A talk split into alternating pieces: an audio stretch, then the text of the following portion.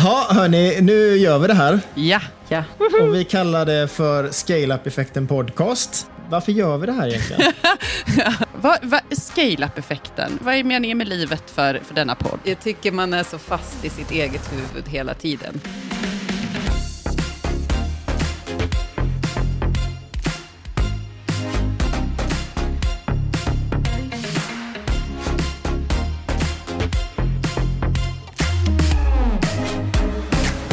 Ja, men det är sprunget ur eh, ett behov av att prata om olika saker som rör bolagsbyggande. Då har jag ju stött på er två som har jätteintressanta synvinklar på vad som är eh, viktigt eh, att tänka på när man ska bygga en organisation eller bygga en produkt eller bygga en eh, marknadsavdelning eller ett varumärke. Eh, alla de här delarna som, eh, ett, som företagande handlar om. Och som, det känns som att vi jobbar med samma utmaningar. Vi som ofta kommer in från olika håll. Fredrik, du, du kom in och jobbar lite längre, men jag och Elin kommer in kanske lite som konsulter ibland. Mm. Och för mig så blir det som att vi jobbar med samma utmaningar. Och det gör vi ju alla som, som jobbar med scale-up-bolag. Men att man får det från olika infallsvinklar hela tiden. Att det är så nära varandra, även fast Elin, du jobbar med HR och Fredrik, du jobbar mer med ledarskapet och strategin i organisationer, och medan jag kanske jobbar mer i så här, ah, nere på detaljer och eh, försöker ändra hur man jobbar med marknadsföring i de här bolagen, så är det ändå, det är samma sak, fast det är olika perspektiv. Och olika lösningar, olika verktygslådor. Precis. Ja, men det där gillar jag så mycket personligen. Jag, jag har ofta större behållning, tycker jag, att prata med ah, personer som jobbar med helt andra saker än inom HR. För att inom, när jag pratar med andra HR-personer, man blir så fast i det där. Hur man alltid brukar tänka eller göra, eller utmaningar. Och just bara, hur, hur tänker ni? Hur gör ni? För jag menar, som sagt, ni båda jobbar ju jättemycket med förändring, eller hur får vi med människor, hur skapar vi engagemang och också just den här externa delen, tänker jag också så här, hur jobbar vi med kunder, marknadsföring, engagerad, där finns ju också supermycket synergier till det interna. Så det där tycker jag är roligt, just att kreera, slänga upp massa olika perspektiv och, och plocka godbitarna. Jag hoppas att, att man ska få med sig liksom lite nya vinklar när man lyssnar. Verkligen, och, och de här skygglapparna som kan bli också när man sitter och grottat ner sig i sin egen organisation eller sina egna problem, så kan man ibland behöva lätta på locket och, och få lite andra intryck ifrån andra verksamheter och, och också vetenskap, vilket jag tycker är saker som man kanske glömmer ibland. Många bolag som, som jag varit med i, de ska uppfinna hjulet helt på nytt, men det finns ju faktiskt väldigt mycket best practice och det finns väldigt mycket eh, liksom forskning på hur människan fungerar i olika sammanhang. Eh, och eh, det tycker jag är jättespännande. Någonting som du Elin är också väldigt insatt i kring de delarna som rör HR och motivationsteori och andra saker som är oerhört viktigt. Och ledarskap såklart. Och sen så har vi ju det här poddformatet. Det är ju väldigt skönt att kunna bryta av och lyssna på en podd.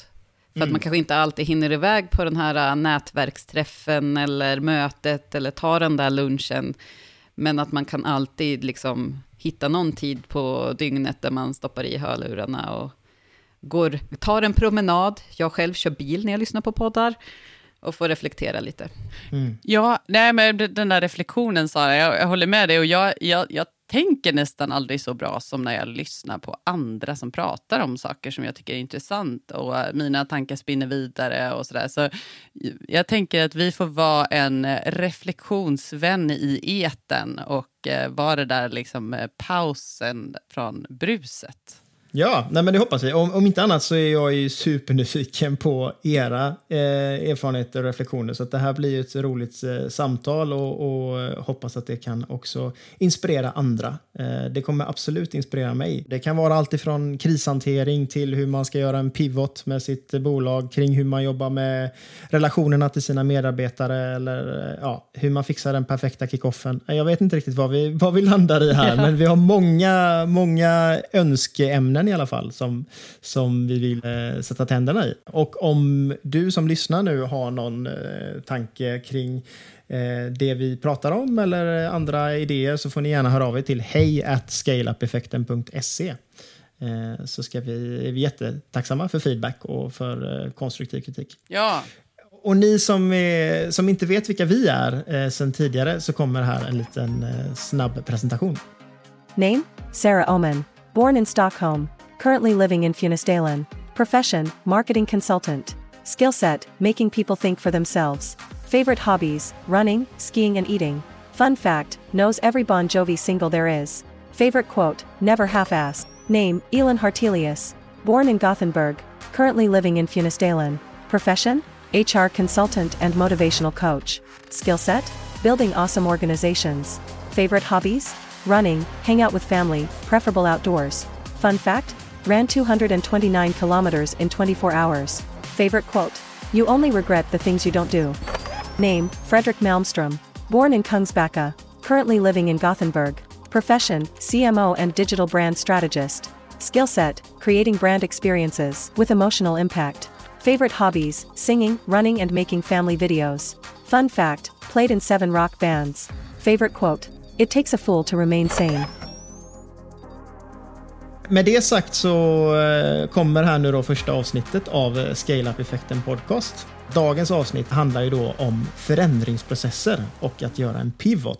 Varsågoda. Enjoy.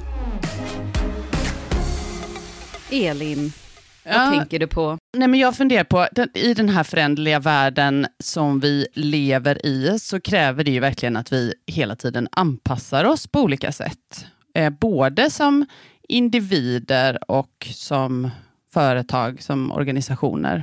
Och, och En grej som slog mig när jag eh, funderade på det här med förändring, det var att jag, jag själv gjorde en ganska stor förändring för drygt ett år sedan när jag och min man tog våra barn och flyttade till Funäsdalen från Göteborg. Och, och det är en stor förändring och jag, när jag har pratat med många, det känns som att många har en, en dröm om att man kanske vill göra någonting annat, men sen så blir det inte riktigt av eller ja, man är osäker på hur det skulle bli med jobb eller med skola eller med barn eller ja, sådär, och så kanske man inte gör det.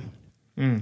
Det är läskigt. Ja, men det, det är läskigt med förändring. Och en, en av de läskigaste delarna tror jag i förändring, det är att, att den där ovetskapen, eller att inte kunna förutsäga hur kommer livet se ut, vad kommer hända? Så det som vi har om allting bara rullar på och varje vecka är relativt lik och varje år är relativt likt. Så någonstans så kokar det nog ner till, vad så här, men om vi ska göra förändringar, oavsett om det handlar om i våra privata liv eller i företag, så handlar det om förmåga att kunna hantera osäkerhet inför framtiden. Hur fasen gör man det? Det känns, så här, alltså det känns som så här, vi ställer höga krav på oss själva, för att jag tänker att det måste ju ligga någonting i oss. Att vi vill veta då varför vi har så svårt då för förändring. Ja, nej men verkligen. Och eh, jag tänkte om det är okej med er att jag delar en av mina favoritmodeller som jag använder jätte- jättemycket och jag tror att den kan vara väldigt användbar för, för många. Kör. Eh, och det är en modell som, som har kommit av eh, hjärnforskning, där man har sett då kort summerat att det finns, vi, vi människor är mycket mer socialt konstruerade än vad man tidigare har trott. Alltså tidigare har vi tänkt, nu vet Maslows behovstrappa, trappa, vi har fysiologiska behov och så först lite högre upp så kommer de här sociala. Men så har man sett då att nej men vi, vi är vi, vi är sociala varelser och till exempel om jag blir utesluten ur en grupp eh, så aktiveras samma smärtcenter i hjärnan som om jag blir fysiskt slagen.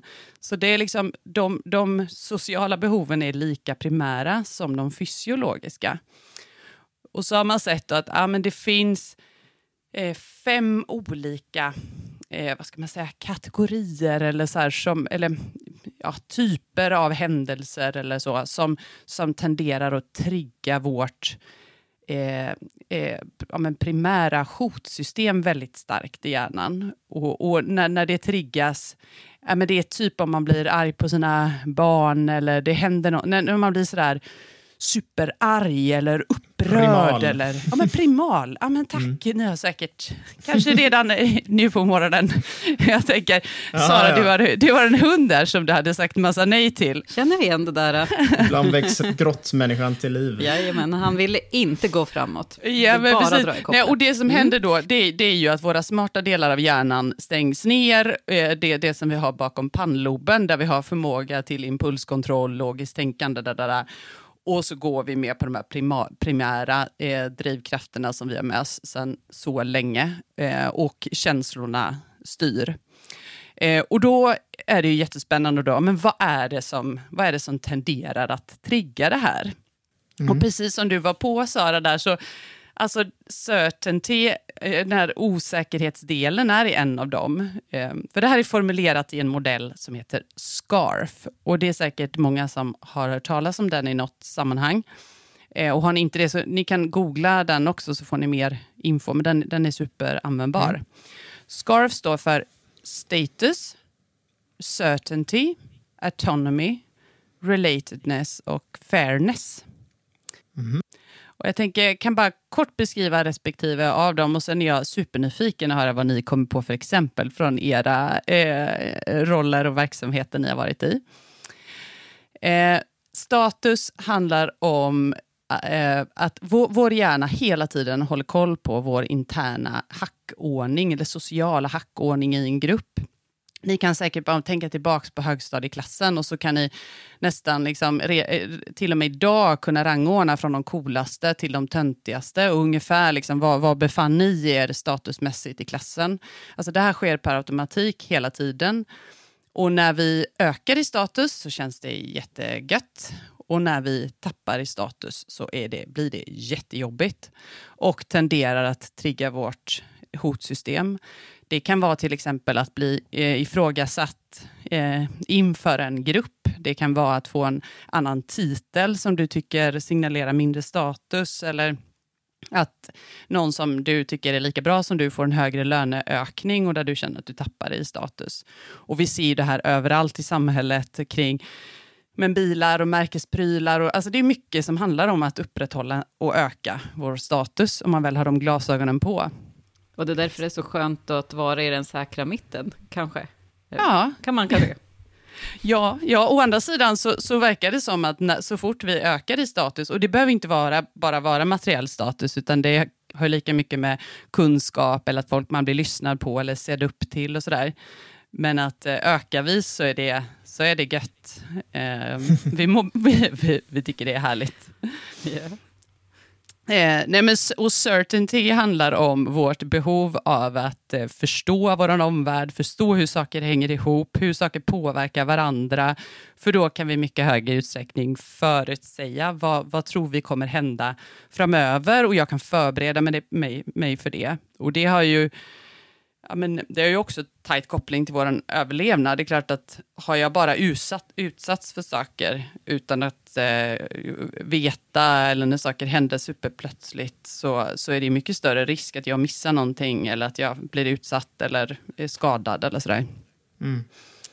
Eh, autonomi handlar om, ja, inte att vi vill jobba fristående från andra, utan det handlar om vårt behov av att påverka vårt liv, alltså att uppleva att vi sitter i någon mån i förarsätet i vårt egna liv. Vi har handlingsutrymme, vi kanske har valfrihet, eller i alla fall så kan vi göra val. Och där man har sett att ja, men även om det är inom relativt snäva ramar så får jag göra val. Får jag vara med och påverka så ökar det min upplevelse av autonomi ganska mycket. Ehm, jag vet inte Fredrik, nu har ju du eh, mindre barn. Nu, nu, nu har de blivit kanske lite äldre än, än två, tre. Men om man, om man säger till en, en treåring, ta på dig byxorna, så säger treåringen Nej. Nej. Nej. Men om man säger till treåringen, eh, vill du ha de röda byxorna idag eller vill du ha de blå byxorna idag? Då Ja. kommer förhoppningsvis, eller för, i de flesta fallen, så kommer treåringen säga att jag vill ha de röda. Och kanske till och med ta på dem. Det jobbar vi mycket med nu. Olika valmöjligheter. Ska du ha tre köttbullar eller ska du ha fem köttbullar? Ja, men det är inte så dumt, för du ger ju faktiskt ett val och det är super, super viktigt för oss. Och motsatsen då, om man ska säga att hjälplöshet eller jag, jag, bara utsätts för saker, jag har ingen påverkan. Det tenderar att trigga vårt hotsystem jättemycket. Eh, sen har vi relatedness som den näst sista och det handlar ju om vårt behov av att ingå i en grupp, att känna sig trygg i en grupp, att eh, ja, men, och, ja, men ni vet, vi ser det här i supporterkulturen eller inom musiken, eller, alltså var, överallt. Att, att så här, men det här är vi, så här tycker vi och jag, så, och vi tycker lika. Så här, att, att vara en del av, någon, av någonting. Och, och det ser vi verkligen i starka företags företagskulturer också, den där delen. Ja, varumärken och i alla de delarna att man känner en stark tillhörighet. Mm, ja men verkligen. Och, den, eh, och, och då som sagt riskerar jag att Eh, uteslutas ur gruppen. Alltså, finns det någonting som kan göra mer ont i hjärtat eh, än om till exempel ett litet barn inte blir bjudet på ett barnkalas och alla andra får komma och den sitter hemma och är ledsen?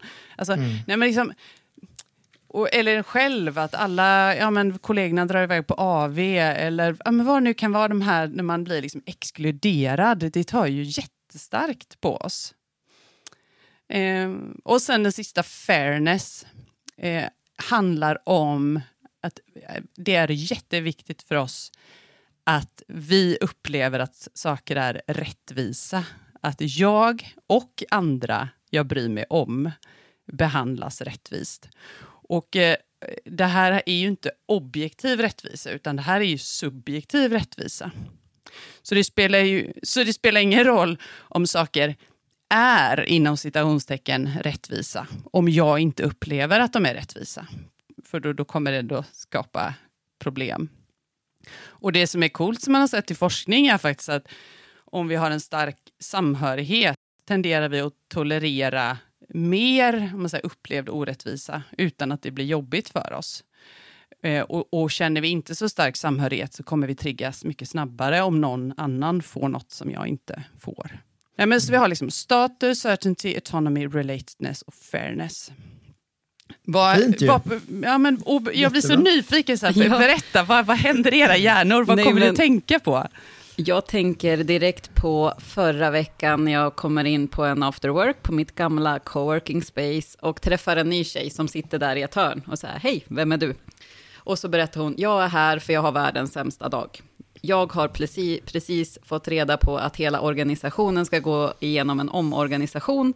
Eh, och jag vet, vet tusan vart jag ska ta vägen. Och när du ah. berättar ah. de här om scarf-modellen nu så tänker jag, ja det var lågt på alla de där för henne. Så att det var inte så konstigt att hon fann, befann sig där helt och mm. hållet liksom förvirrad. Och, ja men verkligen så här väldigt, eh, inte bräcklig, men man bara såg att det bara snurrade i huvudet eh, ah. på henne. Sådär. Ehm, och så berättade hon att hon dessutom också hade varit på väg att gå in i väggen precis innan dess. Och jag tänker också där, apropå vad du säger, har vi någon av de här där vi känner oss starka, då kanske vi kan hantera förändring lättare. Mm, ehm, så. Mm. Men det blir så tydligt när liksom, förändringen knackar på dörren där och vi ska göra en omorganisation, att wow, vad det mm. krävs mycket och framförallt från en ledning att kunna hantera mm. eh, just det här. Det, det ja. var min första tanke, jag bara tänker på henne. Bara, ja. ja. Nej, men, det är ju väldigt mycket känslor involverat och jag tror att mycket av de här förändringarna som man gör i ett företag är ju ganska strukturella förändringar kanske på pappret, men det kräver ju en mänsklig förändring och då får man inte glömma bort det där mänskliga som du pratar om Elin, att alla behöver ju gå igenom och smälta det här och liksom processa det på sitt sätt. Eh, mm. och, och där har man ju väldigt olika sätt att hantera den typen av eh, situationer. Mm. Och det behöver man ju vara väldigt eh, lyhörd inför som ledare eller som medarbetare. Att man liksom, ja, man kan inte dra alla över en kam där. Nej, nej verkligen. Mm. Mm. Nej, men då, jag tänker också så här, om man står inför förändringar, eh, om man behöver, det kan ju vara allt ifrån att ja, vi behöver skära ner, vi behöver totalt förändra hur vi jobbar med saker, eller, eller vad det nu kan vara, så, så kan man ju med fördel titta utifrån, okej, okay, vad, vad, vad finns det här? Hur kan, vi, hur kan vi minska upplevelsen av tapp i status hos grupper? Eller vad, vad, vad ser vi för risker här? Och finns det någonting vi, kan, vi faktiskt kan göra för att förebygga den här certainty-delen, där finns ju hur mycket som helst att göra i förändring, även om, ja, men det här, även om man inte vet riktigt vad som ska hända, men att man ändå ger någon form av övergripande bild. Vart är vi på väg? Nu testar vi det här, löpande återkoppling, alltså ändå försöka se hur kan vi skapa begriplighet i den här föränderliga situationen, så har man ju jättemycket att vinna. Och jag tänker jättemycket på de här röda och blå byxorna just nu också, att det kanske finns något som vi kan ge liksom, påverkan till, eh, till de som jobbar med oss också. För vi klarar oss inte utan dem. Vi måste ju ha med, ofta ha med oss alla på den här förändringen för att vi ska kunna genomföra den. Mm. Vi, inte, vi vill ju inte börja om från noll kanske. Nej, nej men verkligen. Och, och jag tänker också i där att, att bjuda in till delaktighet. För jag menar, det, jag, jag upplever ofta i bolag jag är ute hos att man, att man är lite så försiktigt eh, negativ till att ha delaktighet. Alltså, oh, men alltså alla kan inte vara med och fatta alla beslut. Och så, så här. Men att det ofta inte är det det handlar om. Att man fattar ju att man inte kan vara med och fatta alla beslut. Men om man vet vilka beslut som fattas och varför de fattas så kan man ofta förhålla sig till det. Och så kanske man kan få vara med och spela in någonting. Jag vet att jag får inte vara med och fatta det här beslutet, men jag vet att det är på gång. Så jag, jo, jag har en jätteviktig åsikt jag vill förmedla. Och då kan jag känna mm. nöjd. Jag fick säga vad jag tyckte. Och sen kanske i vissa frågor då, men här kan faktiskt alla vara med och påverka, eller till och med kanske vara med och fatta ett gemensamt beslut. Och att då vaska fram de frågorna, så att det inte bara blir den här Äh, men vi har inte, nej men vi kan inte hålla på med liksom, att bjuda in alla för mycket, för det går inte. Utan mm. rensa i det där. Liksom. Och, men också skapa forum för att man, så att man får sin röst hörd eller får möjligheten till att prata och, och, och liksom bearbeta saker. Mm. tror jag är väldigt viktigt. Om det är så i ett, liksom, ett veckomöte eller om det är liksom, ett formulär kanske inte är superkul, men att man i alla fall får del, delaktigheten att göra sin röst hörd. Eh, mm. Det är superviktigt. Ja, nej men verkligen. Så där tror jag. Och eh, är det något av de här som sticker ut som lite extra viktiga så är det faktiskt den autonomidelen.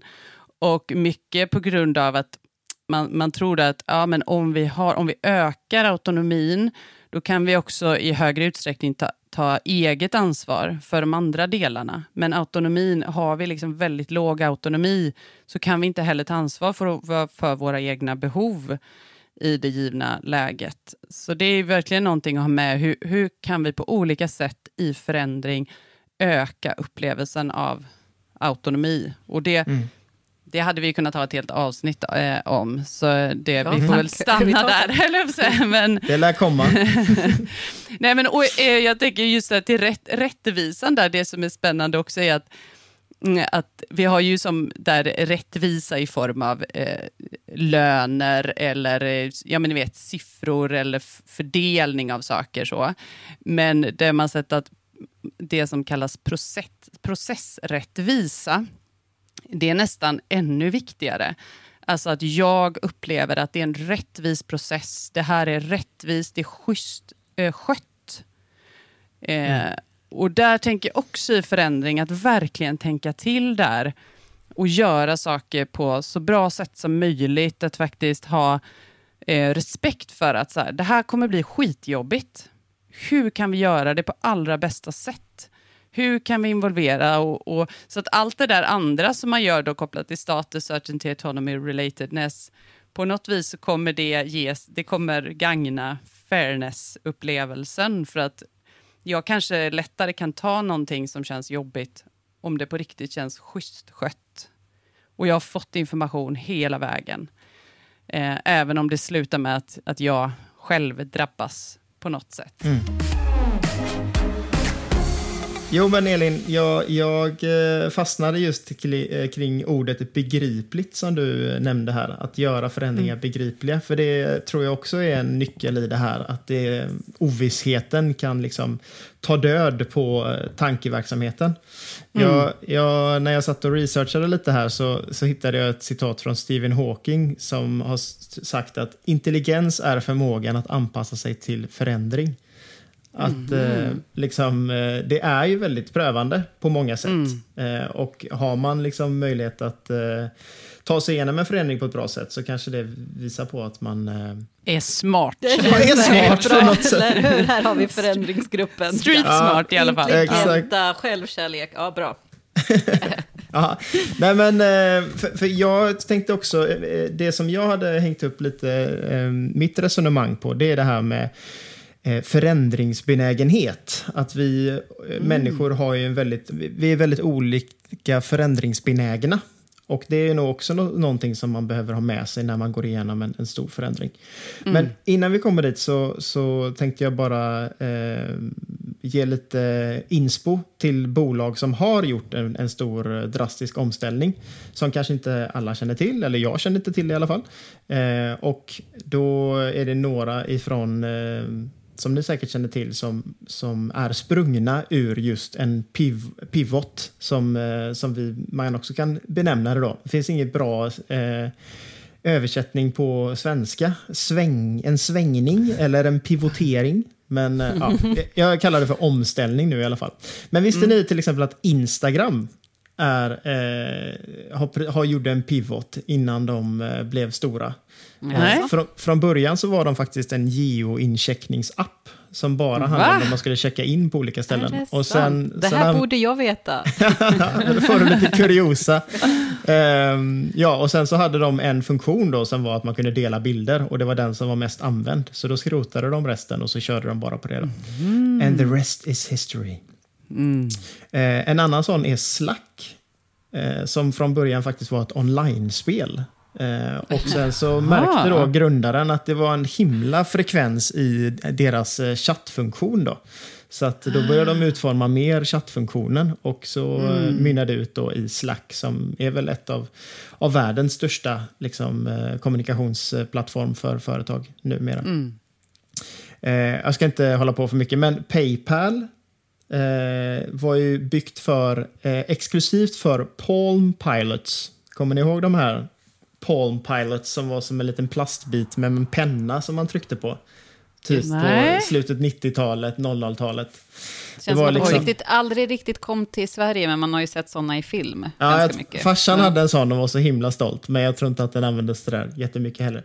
Men eh, de, de eh, pivoterade och eh, började jobba med lite mer digital, digitala transaktioner. Då. Och det gick ju bra. Mm. Och så bara ett svenskt exempel då. Jag vet inte om ni känner till Tink?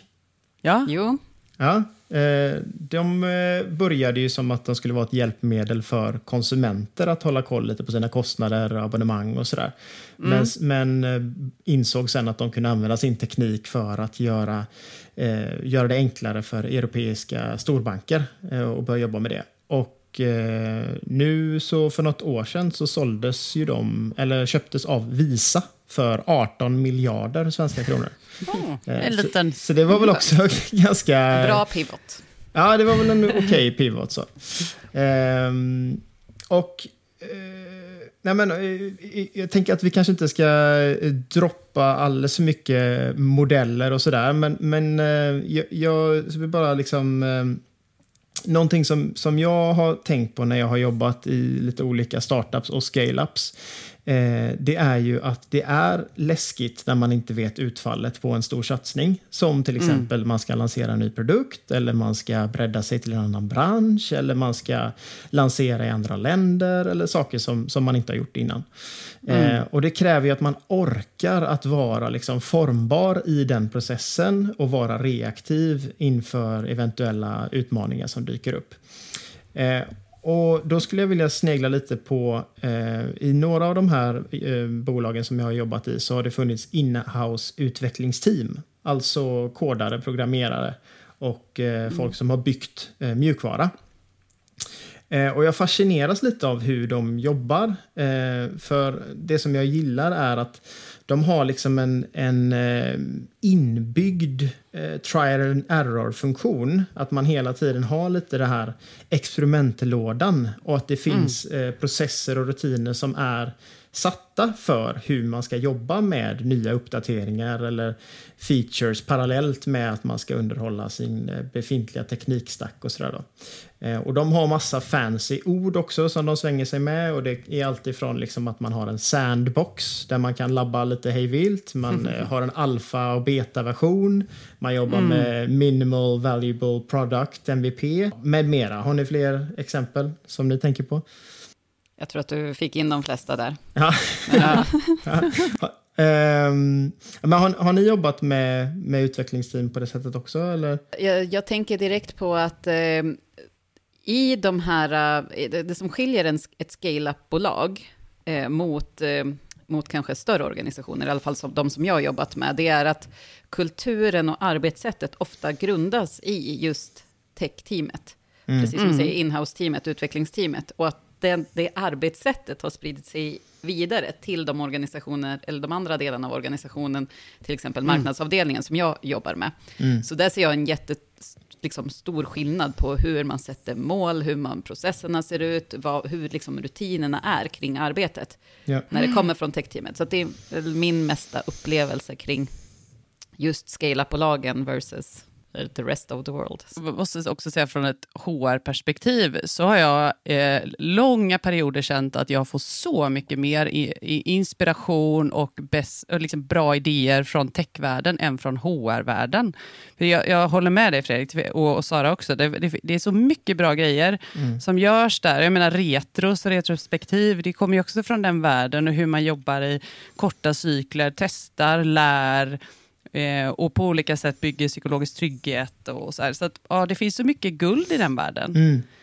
Ja men verkligen, och jag tror att det går att konvertera det tänket också i, oavsett vilken del av en organisation man befinner sig i. Mm. Eh, så jag har byggt upp avdelningar där jag har liksom försökt att smyga in det här i en eh, kontext. Att det ska finnas utrymme för att testa saker. Eh, I liten skala kanske till en början. Eh, för att man ska liksom lära sig och vara nyfiken på att hela tiden innovera och sådär. Eh, och en, en pivot kan ju också... Det som jag tänker på är att det, det är ju förändrar ju någonting kanske i grunden i hur man ska göra sin, eh, hur man utför sitt, sitt dagliga arbete. Och som du var inne på Elinor, då kräver det ju verkligen att man får med sig eh, sitt gäng. Eh, mm. Jag vet inte om ni har läst eh, The Tipping Point av mm. Malcolm Gladwell. Eh, det handlar ju mer kanske om liksom trendsättning och, och, så, där han har en kurva om liksom hur saker och ting går i, hur en trend uppstår. Man har sina early adopters och sen så har man liksom lite late adopters mm. och sådär. Och jag tror att samma sak där gäller ju i de här förändringsresorna. Att du har liksom några som, som är väldigt snabba på att hänga med, men sen så har du en ganska lång svans som du behöver ta hand om också. Eh, mm. och han nämner också att liksom 20 av av eh, de personerna som är delaktiga kanske gör 80% av jobbet. Eh, mm. Så det är viktigt också att man får med sig de här eh, early adoptersna, eller vad man ska kalla, så att de känner sig trygga. Men också att du får med dig hela organisationen. Eh, jag kan känna att i de här satsningarna som vi har gjort så, så har kanske ledningen varit väldigt eh, early adopters och tycker det här är toppen. Liksom. Eh, men kanske springit, sprungit lite för snabbt eh, och inte mm. fått med sig och, och, förankrat detta liksom, internt och sådär. Ehm, har, jag var till och med med i en avdelning som kallades för Labs Eh, mm. som, som var, eh, det var något hybridförsök att skapa liksom en, en byråverksamhet fast ändå inhouse med olika typer av kreativa eh, format. Liksom. Eh, och det var superspännande. Problemet var bara att vi hade ingen riktig process eller någon som liksom, ja, satte lite grundreglerna för det. Vilket mynnade ut att vi blev tre stycken som blev sjukskrivna för att vi sprang åt alla håll. Liksom. Så mm. att det är extremt viktigt med att man eh, på något sätt hitta den här modellen eller, eller metoden att förhålla sig till när man ska göra det. Och då kanske man ska snegla på utvecklingsteamets sätt att eh, förhålla sig till saker och ting. Eh, eller andra modeller. Ja, men Fredrik, jag tänker just det som man mycket gör inom utveckling, just det här att experimentera. Att man gör någonting, testar eh, kort period, testar utfallet, ser hur gick det. Det där tror jag generellt är en superwin. Eh, eh, om man tar allt ifrån, vi flyttar till Funäsdalen, det är inte så att vi säljer huset, nu är det permanent, utan så här, ah, vi hyr ut huset, vi testar i två år och sen bestämmer vi därefter. Eller i näringslivet, så här, ah, men vi, eh, alla är med på, okej, okay, men vi testar det här, vi tror på det här, men vi, vi kommer också se vad blir det för utfall, man får vara med och reflektera. Mm. Att det inte behöver vara så svartvitt hela tiden, för det tror jag, jag det, det, det, är något, eh, det kan verkligen fälla för oss när vi bygger upp i huvudet att det är så allvarligt. Verkligen, ja, men bygga lite lättsamhet i det eh, och sen måla upp någon form av scenario. Var, vart, vart ska vi? Eh, och, och, så kanske man inte hamnar exakt där, men man har i mm. alla fall någon form av målbild som man gemensamt liksom kan, eh, kan sträva mot. Um, och mm. Det finns ju uh, massa uh, kloka personer som har tänkt kring det här med förändring och det här med change management. och Det, det finns massa fina saker man kan, man kan googla sig till.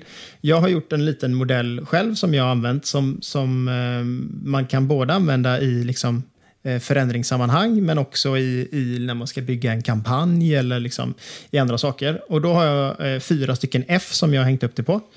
Eh, mm. och då är det att eh, förenkla saker och ting. Eh, i liksom, ja, men göra det ganska greppbart och liksom, eh, lätt att kommunicera ut. Eh, försöka liksom koka ner saker så att det inte blir för fluffigt, utan på något sätt så här, men eh, som jag pratade om, sätt en målbild eller sätt någon form av liksom, eh, vision eller någonting som vi vill kommunicera ut.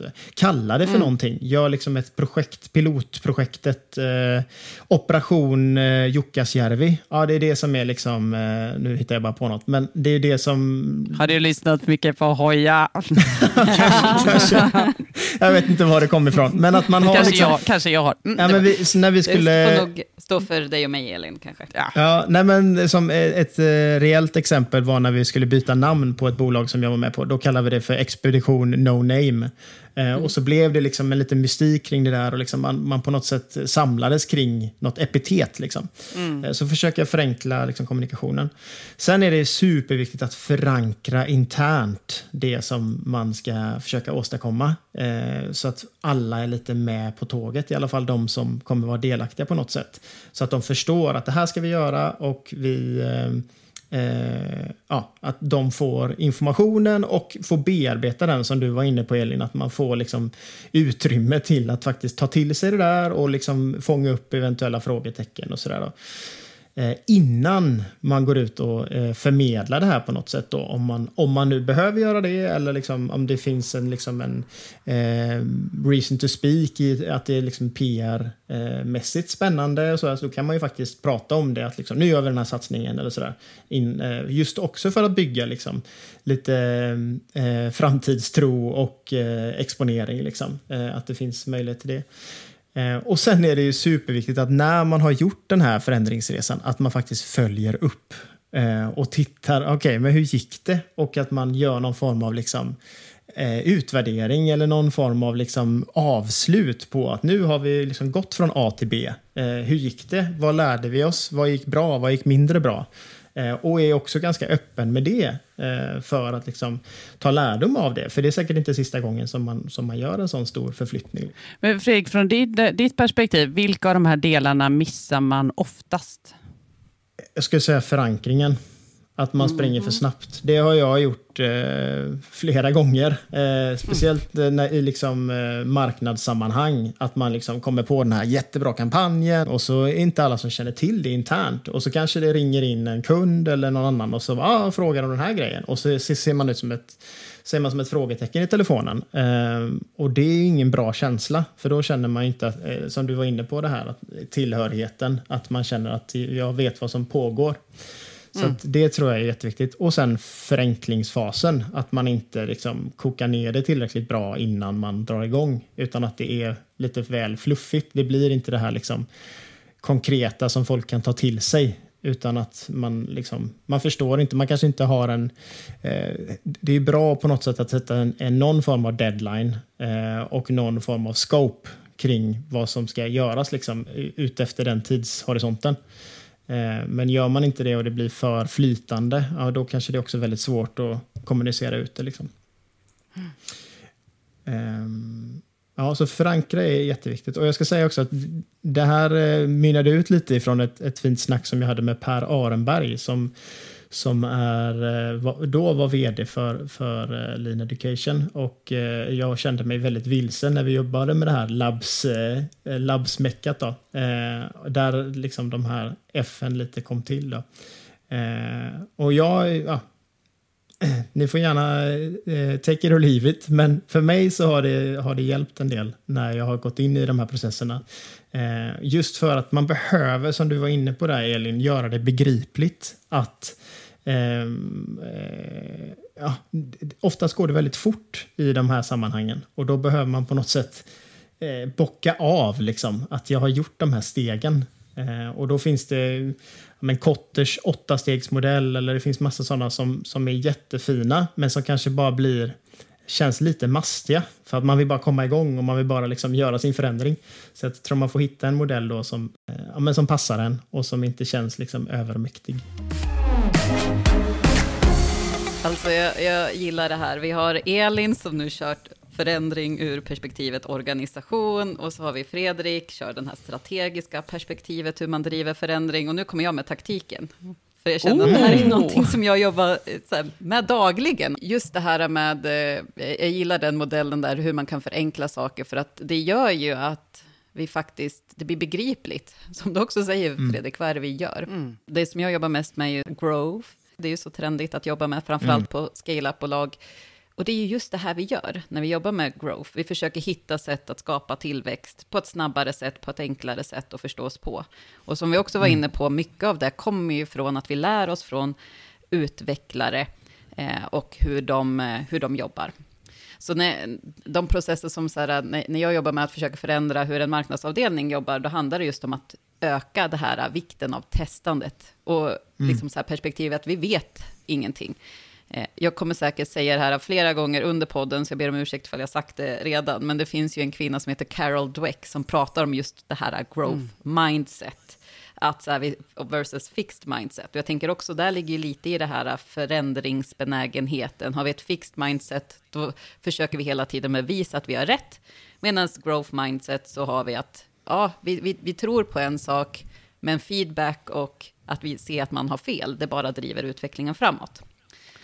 Sara, vet du vad, bara koppling till SCARF där. Så mm. när vi har ett fixed mindset, det, det är typiskt resultat på när vårt hotsystem är triggat. För då är vi inte öppna för förändring. Bara Nej. koppling där till... Nej, men då finns det ju ett, den, den mest vanliga modellen att jobba efter när det kommer till eh, att jobba med growth. Eh, bland annat en som heter Sean Ellis som drev growthhackers.com. Eh, och kanske den trendigaste modellen, det finns olika sätt att liksom se det här på. Nu har vi rapat många mo modeller här idag, så förlåt mig bara ge min. Det, hand, mm. det första handlar ju om att för att kunna anpassa sig till den här då föränderliga världen vi lever i och se att allting vi gör, oavsett ifall det är att vi jobbar med en kampanj eller att vi ska jobba med att förändra vår produkt, så handlar det om att analysera, samla in data och titta på vad är det som händer. Antingen utifrån data vi har redan nu eller gå ut och titta på omvärlden. Mm. Utifrån den situationen så kanske man börjar problematisera och skapa idéer på vad som kan vara lösningen. Typiskt hypoteser eh, och liknande. Mm. När vi ser det här då, så kommer vi till steget prioritera. Av alla de här idéerna som vi har, och det kanske vi, det är flera människor i organisationen som kan påverka vilka idéer vi tar fram, för att här är ju mångfalden nyckeln till att lyckas också, att liksom ta fram så många möjligheter som möjligt. Men sen så måste vi prioritera de här och när vi har prioriterat dem, då testar vi och analyserar vad funkar, vad funkar inte. Och sen så går det här hjulet runt. Utmaningen mm. här, det är ju vad vi sätter i mitten. Vad axeln ska, liksom, vad heter det, hjulet, vilken mm. axel hjulet ska cirkulera kring. Och det mm. där jag tror att Fredriks liksom, modell här, om vi ska pivotta eller vad vi ska göra, eh, att det blir så viktigt att få med sig alla. För det är just i den här prioriteringsdelen som jag upplever att organisationer har störst utmaning. Och lite mm. där också du säger Fredrik, när ni fick väldigt stora friheter på labs, så sprang alla åt olika håll. Och alla mm. hade olika åsikter. Så mångfald är bra enligt det här tankesättet, att vi liksom ständigt ska, ska få liksom, ta beslut kring nya influenser. Men om vi inte vet liksom, vad det är som är viktigt, så, så blir det utmanande. Tänker ni kring det? Ja, och det, var, det är också väldigt svårt att säga nej då. Om Ja. man inte liksom vet vad, vad ens uppdrag är eller liksom vad, vad är vårt slutmål på något sätt. För då hoppar man på alla de här grejerna och så tar energin slut. Eller liksom eh, budgeten eller vad, resurserna som man har för sig. Att de bara spills ut på saker som kanske inte är så viktigt för stunden. Ja. Ja, men jag får någon sån här bild i huvudet av att vi har vad i mitten och sen har vi hur som snurrar runt. Att, eh, det, ja. Eh, exakt så. Och frågan är vad vi sätter. För att förändring händer ju. Alltså omvärlden förändras. Och det tänkte jag också på när ni beskrev här att eh, här, man vill vara i kontroll av förändring och styra förändring. Men ibland så dyker ju för- förändring upp som man inte riktigt kan styra över. Jag tänker på vad vi har sett här på sistone. Både lågkonjunktur, det kan vi inte st- styra över. Jag tänkte på den här tjejen jag berättade om. Jag bara, det var nog lågkonjunktur som var i botten för den här organisationsförändringen som hon var med om. Eh, och då har ju inte organisationen samma möjligheter att vara in och påverka saker, för man behöver lösa ekonomin snabbt kanske.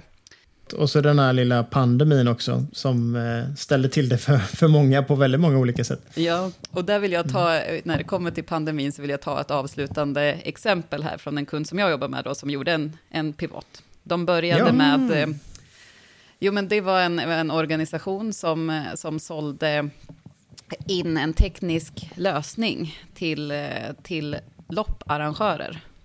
Och då ser ni ju den här lopparrangörerna, det krävs ju att människor, många människor på samma plats. Typiskt dålig sak i pandemin. Men då så upptäckte de ju att, eller ett stort intresse, när pandemin kom, att göra virtuella lopp istället. Men då, utmaningen i det här då, när man tittar på vad, vad snurrar hjulet runt, är ju att även fast vi gör samma sak, vi har samma tekniska lösning, vår vision är densamma, vi ska ge människor resultat och att man ska kunna följa liksom, deltagandet i lopp som liksom, åskådare på ett sätt. Um, så, så det var ju detsamma, men, men sättet man gör det på och hur, hur relationen till den här appen förändrad, den förändrades ju. För helt plötsligt, plötsligt så var ju inte kunden kanske lopparrangörerna i sig, utan det började ju bli de faktiskt användarna som ville springa fler lopp. För att det var ju liksom i grunden densamma. Nu var jag bara ansvarig för att sätta upp mättal, men jag kan ju liksom tänka mig hur, eh, och det var ett ganska litet företag, men hur liksom perspektivet behövde förändras. Och enligt då Elins modell och Fredriks modell här, um, behövde ses på ett helt annat sätt. Så, så här, förändring kommer, vare sig vi vill det eller inte. Och ibland så behöver vi förändra kanske sättet vi gör saker på, eller vad själva, liksom, vad, vad sa du Elin där, hur rätt vi gör det på. Eh, men samtidigt som liksom, grunden är på något vis detsamma. Det tror jag är liksom lite essensen i en piv- pivot. Så. In, tar vi Men hur Instagram, gick- förlåt. Hur gick det då för, för det här eh, företaget? Ja, men de, eh, de, jag tror att de delvis de hade en stor användarbas innan att faktiskt jobba med också, så att det var kanske perfekta läget. De hade ungefär 150 000 löpare. Helt plötsligt kunde de återaktivera dem på ett annat sätt. Eh, loppen fortsatte ju överleva, det har ju precis kanske kommit i, igång nu, men eh, när man prioriterade om marknadsaktiviteterna till att aktivera användarna istället, då blev det ju också liksom ett annat typ av resultat. Fler människor sprang fler lopp. Jag tänker att det blev lite hälsosammare världen i slutändan. Eh, så. Det finns mycket som kan gå fel när det kommer till den här typen av förändring. Absolut, och det, det, eh, exemplen är många där. Och, och ehm, i, I mitt fall så har det handlat väldigt mycket om kommunikation. Att man har missat att förmedla saker eller förankra saker internt. Eh, för att man förlitar sig på att eh, det räcker med ett litet Slack-meddelande. Eller att man liksom har ett möte där man bara pratar om saker men man får liksom inte möjlighet att ställa frågor eller sådär. Liksom. Att det blir... ehm, lite vi mot dem-känsla. De som ska göra förändringen och de som ska hänga med på något sätt. eller sådär. Så delaktighet är väl absolut en, en nyckel som, som vi har varit inne på här. Eh, Ja, precis. Eller de, de som har bestämt förändringen och de som får köpa förändringen. Alltså det är mycket, många, många potentiella vi och dem indelningar i.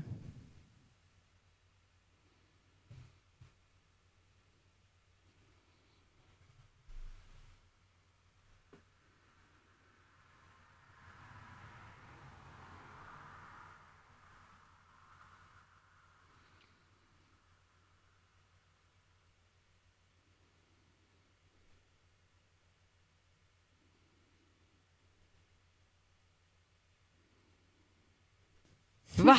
Är det sant? Vi är där nu allihopa Ja. va? Ja.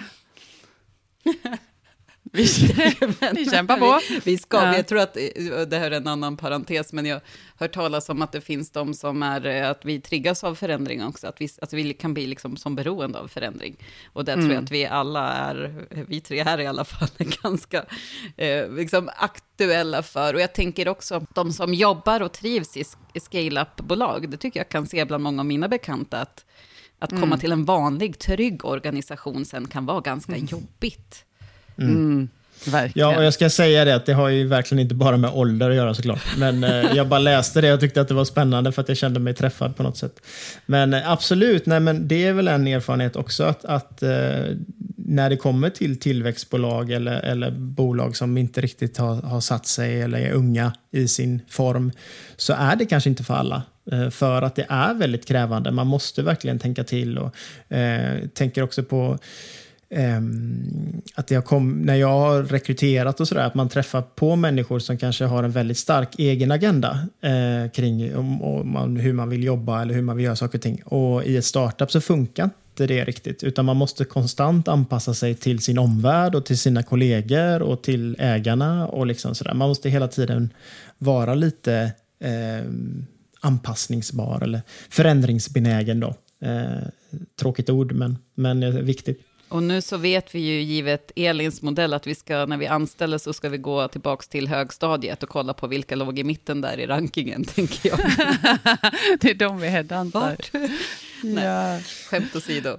Nej, men, och jag tänker också så här att, att, att ha med det här att, att absolut såklart att vi, vi är olika förändringsbenägna, men jag tror också så här, jag kan vara superförändringsbenägen och jag kan vara superanti förändringsbenägen. Och allt har att göra med eh, då Eh, är det en självvald förändring eller har jag fått vara med och påverka förändringen eller blir jag utsatt för en förändring? Så jag tänker också där att vi inte lägger för mycket hos individen som vi ofta gör och, eh, utan vi faktiskt kanske skärskådar oss själva och tänker hmm, det är ganska många som är emot det här nu. Det kanske inte bara är de som är jobbiga utan det kanske finns någonting här som jag har gjort, eller vi kan Självklart. förbättra. Alltså just den här, eh, för det, det, ibland kan jag känna att det saknas lite det perspektivet.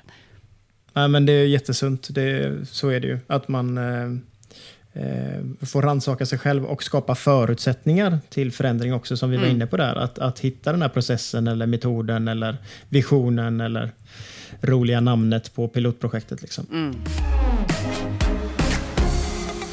Men, eh, men kära, kära vänner, ska vi, jag blir så här nyfiken, för jag har pratat om så mycket olika saker. Vad, om ni ska liksom vaska fram några saker som ni verkligen tar med er från den här diskussionen. Jag tar med mig, det jag tar med mig från er, från Elins del, tryggheten. Alltså vikten av trygghet och känna sitt sammanhang och hur man kan skapa den tryggheten för att, för att hjälpa människor genom förändring. Och kanske de här valmöjligheterna, röda och blå byxorna, det kommer jag tänka på. Och för Fredriks del verkligen det här förenkla. Att för att kunna komma in i den här processen så måste man göra det så enkelt som möjligt för folk att ta åt sig av den och veta vad är det, vad är det vi faktiskt ska göra. Där känner jag att jag strukturerar om hela mitt utbildningsmaterial från och med nu när jag ska lära folk mina processer för hur man jobbar mer med growth. Eh, Ja, så här ingången i eh, arbets, förändringa arbetsprocessen. Så. Mm. Ja, men verkligen. Och att välja sin verktygslåda på något sätt när man ska dra igång det här. Att liksom, hur ska vi då, vad ska vi hänga upp det här på för att folk ska förstå? Eh, och vad, vad, hur, så att man rannsakar lite, vad är det faktiskt vi ska åstadkomma här? Eh, innan man drar igång, eh, om det är möjligt, så att man kan lättare då eh, förenkla, förankra, förmedla och följa upp det. Eh, och sen tänker jag scarfen på eh, Ja. också. Eh, så, att man, så att man faktiskt eh, inte glömmer av eh, de där basala, primala behoven som människor har också för att man inte ska hamna i kläm eller tappa någon på vägen. Verkligen. Ja, nej, och jag, jag tar verkligen med det här. eh, Det, var ett kul exempel du tog där Fredrik, i Instagram och Paypal och de andra. Och just vikten av örat mot marken och lyhördhet. Både mm. externt men också internt för att snabbt kunna reagera på saker. Reager, liksom, ta möjligheter eller hanteras eh, hinder eller alltså, saker som dyker upp. Och så tänker jag också så här, just den här experimentera-delen som vi alla tycker är så fantastiskt från utveckla världen. Att det inte, ta, det är inte så blodigt allvar. Vi kan testa saker. Och om vi mm. testar så, ligger det, så, så blir det mycket lättare att hänga på. För jag vet att ja, men vi kommer utvärdera och är det dåligt så kommer vi inte fortsätta göra det och då kan jag lättare vara med på förändringen. Eh, och så tänker jag också den sista, att, att bjuda in i eh, i processen, inte bara i informera om resultatet, att vi, vi behöver förändras, att folk, även om de inte är med och bestämmer saker, att man vet vad, vilka diskussioner pågår, vilka alternativ finns, och även kunder, tänker jag, att man, man bjuder in i det här liksom löpande feedback, vara med och utveckla, att eh, ja, i, mer insyn och transparens och dialog i processen. Mm. Ja, men vad härligt. Ja. Då har vi lärt oss något idag också. idag igen. Och vad många, vad många så här, sidospår vi har som vi vill podda om framöver också, känner jag. Mm. Mm. Prata Verkligen. mer om. Då går vi ut i, eh, i förändringens värld och eh, tackar för denna gång. Så hörs vi snart igen. Ja, tack så jättemycket. Mm. Ha det fint. Ja, hej då. Hej.